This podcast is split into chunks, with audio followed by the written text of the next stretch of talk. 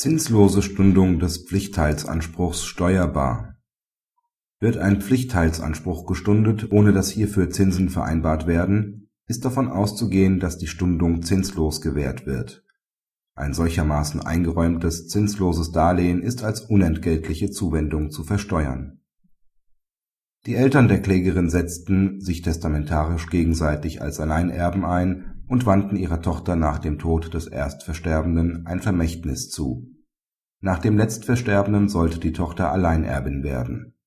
Nachdem die Klägerin von ihrer Schlusserbenstellung erfuhr, erklärte sie gegenüber ihrem überlebenden Elternteil zu notarieller Urkunde mit Rücksicht hierauf bin ich bereit, meine Pflichtteilsansprüche nach dem Tode des zuerst versterbenden Elternteils bis zum Eintritt des weiteren Erbfalls zu stunden nach dem Tod ihrer Mutter wurde die Klägerin Alleinerbin und setzte in der Erbschaftssteuererklärung den Pflichtteilsanspruch als Nachlassverbindlichkeit an.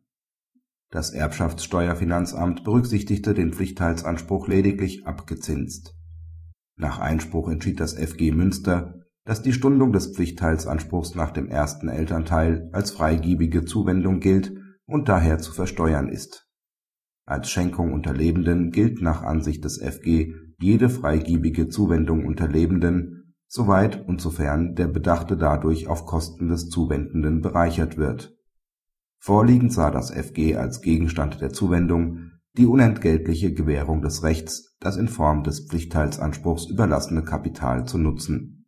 Mangels Regelung der Verzinsung in der notariellen Urkunde war die Stundung nach Ansicht des Gerichts zinslos vereinbart dass zum Zeitpunkt der Stundung des Pflichtteilsanspruchs dieser zivilrechtlich noch nicht entstanden war, war unschädlich, da es sich beim Pflichtteilsanspruch um eine künftige Forderung handelt, auf welche bereits ein Anwartschaftsrecht besteht, das schon vor der Entstehung des Pflichtteilsanspruchs abtretbar ist.